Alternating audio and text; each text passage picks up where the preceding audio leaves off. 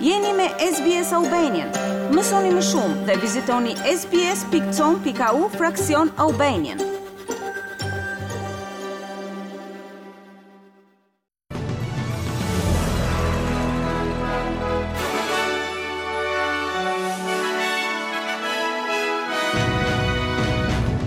Në buletinin e sotëm informativ do të ndiqni Presidenti i Ukrainës i bën thirrje Australisë që të kthejë ambasadorin e saj në Kiev. Numri i të vdekurve nga fatkeqësitë e tërmetit në Turqi dhe Siri i kalon 50.000 viktima. Dhe në sport, ekipi i kriketit për femra të Afrikës së Jugut bëhet i pari nga vendi i tyre që arrin në finalen e Kupës së Botës T20. Dhe vazhdojmë më gjerësisht me lajmet. Presidenti i Ukrainës, Volodymyr Zelensky, ka rritur presionin ndaj Kanberës për të kthyer ambasadorin e Australisë në kryeqytetin ukrainas Kiev. Shumë vende, përfshirë Australinë, i zhvendosën ambasadorët e tyre nga Kievi në Poloni në fillimin e luftës së Ukrainës me Rusinë një vit më parë, por shumë prej tyre tani janë kthyer. Por Departamenti i Punëve të Jashtme të Australisë deri më tani është përmbajtur nga rihapja e ambasadës së tij në Kiev, duke cituar çështje të sigurisë. Duke folur në një konferencë shtypi televizive që përkon me një vjetorin e pushtimit rus të Ukrainës, Zelenski i tha SBS News se do të ishte i lumtur të shihte rikthimin e Australisë. I have relations with Australia and and really they they really helped us a lot a lot and uh, you know The very important thing I I I had big huge deficit with armed vehicles and it's very important yes moment and I don't want Unë kam marrëdhënie me Australinë, dhe ata me të vërtetë na ndihmuan shumë. Dhe gjithashtu duhet të dini një gjë shumë të rëndësishme. Unë kisha një deficit të madh me automjetet e blinduara. Dhe është momenti shumë i rëndësishëm kur Australia na ndihmoi dhe është një gjë e mrekullueshme. Kjo është arsyeja për të shtrënguar duart me ambasadorin e Australisë. dhe do ta bëj këtë me kënaqësi. Ju lutem ejani, kthehuni, thotë Zelenski. Zelenski ka falenderuar gjithashtu Australinë për mbështetjen e saj në konfliktin e armatosur me Rusinë. Australia ka ofruar afro 700 milion dollarë ndihmë që nga fillimi i luftës, pjesa më e madhe të cilave janë përdorur për mbrojtje. Aleatët perëndimorë të Ukrainës kanë njoftuar sanksione të mëtejshme ndaj Rusisë, ndërsa bota shënon përvjetorin e parë të luftës kundër Ukrainës.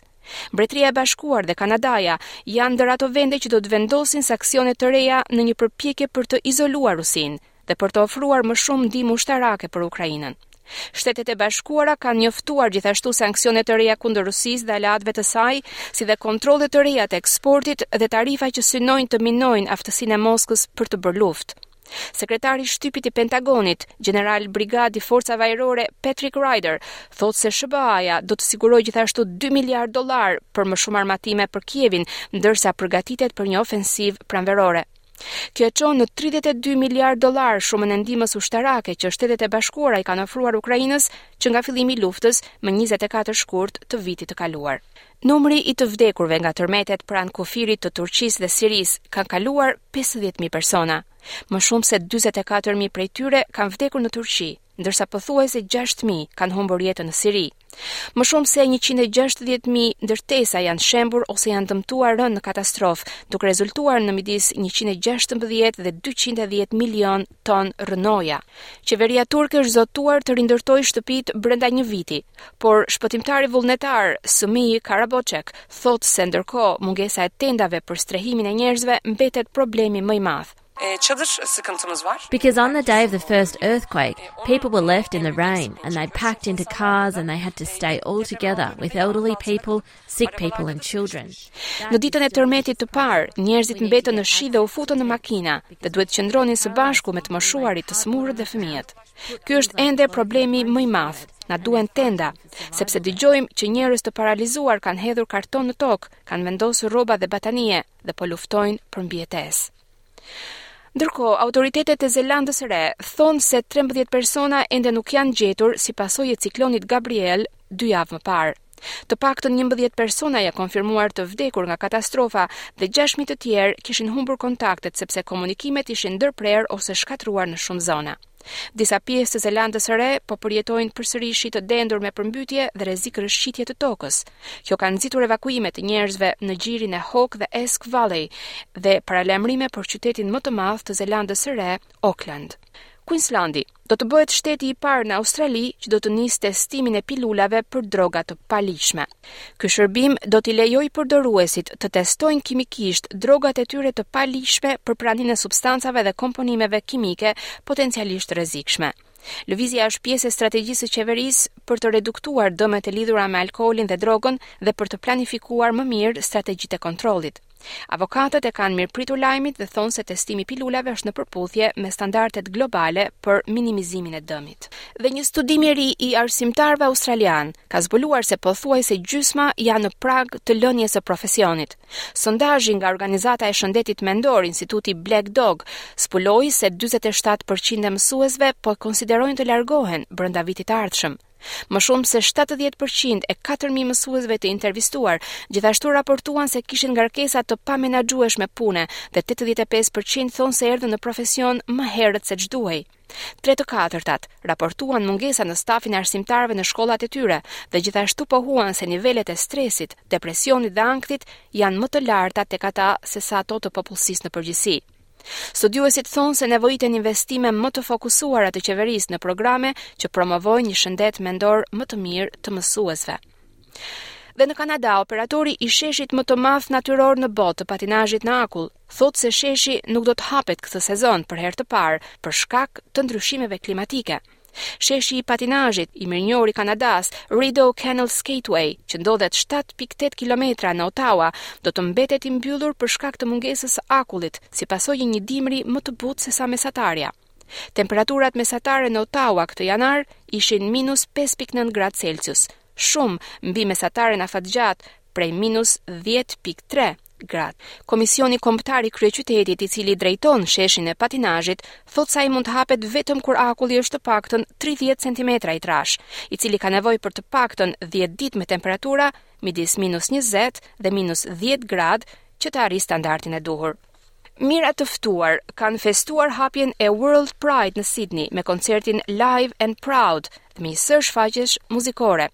Është hera e parë që festimi i komunitetit dhe kulturës queer mbahet në hemisferën jugore për 17 ditët e ardhshme. Yjet e muzikës duke përfshirë Kylie Minogue, Charli XCX, Jessica Mauboy dhe Electric Fields performuan për të nisur World Pride para të paktën 20.000 njerëzve.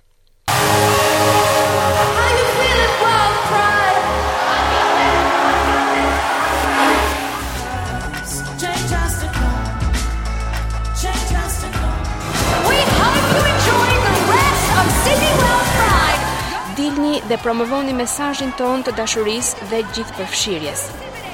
Festimet do të vazhdojnë këtë mbrëmje. Rruga Oxford e Sydneyt do të jetë e mbushur me xixa, pasi mirëpret rreth 300 mijë pjesëmarrës në festë.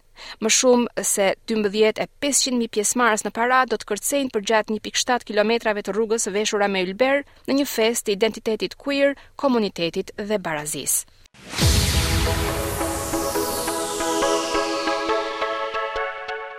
Dhe në sport, skuadra e kriketit për femra e Afrikës së Jugut është bërë e para nga vendi i tyre, meshkuj apo femra, që ka fituar finalen e Kupës së Botës.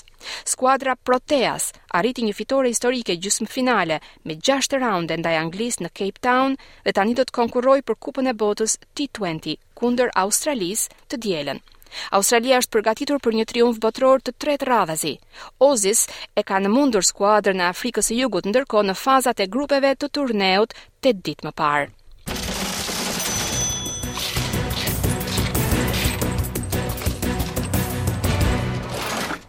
Do të kalojmë tani në kursin e këmbimit të valutës australiane. Një dollar australian sot këmbehet me 73 lekë shqiptare, 0.63 euro, zero pikë gjashtëdhjetë e shtatë dollarë amerikanë dhe me tridhjetë e nëntë pikë tetëmbëdhjetë denarë të Maqedonisë së Veriut.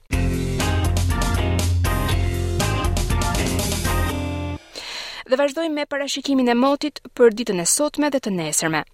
Sot nëpër qytetet australiane janë regjistruar këto temperatura.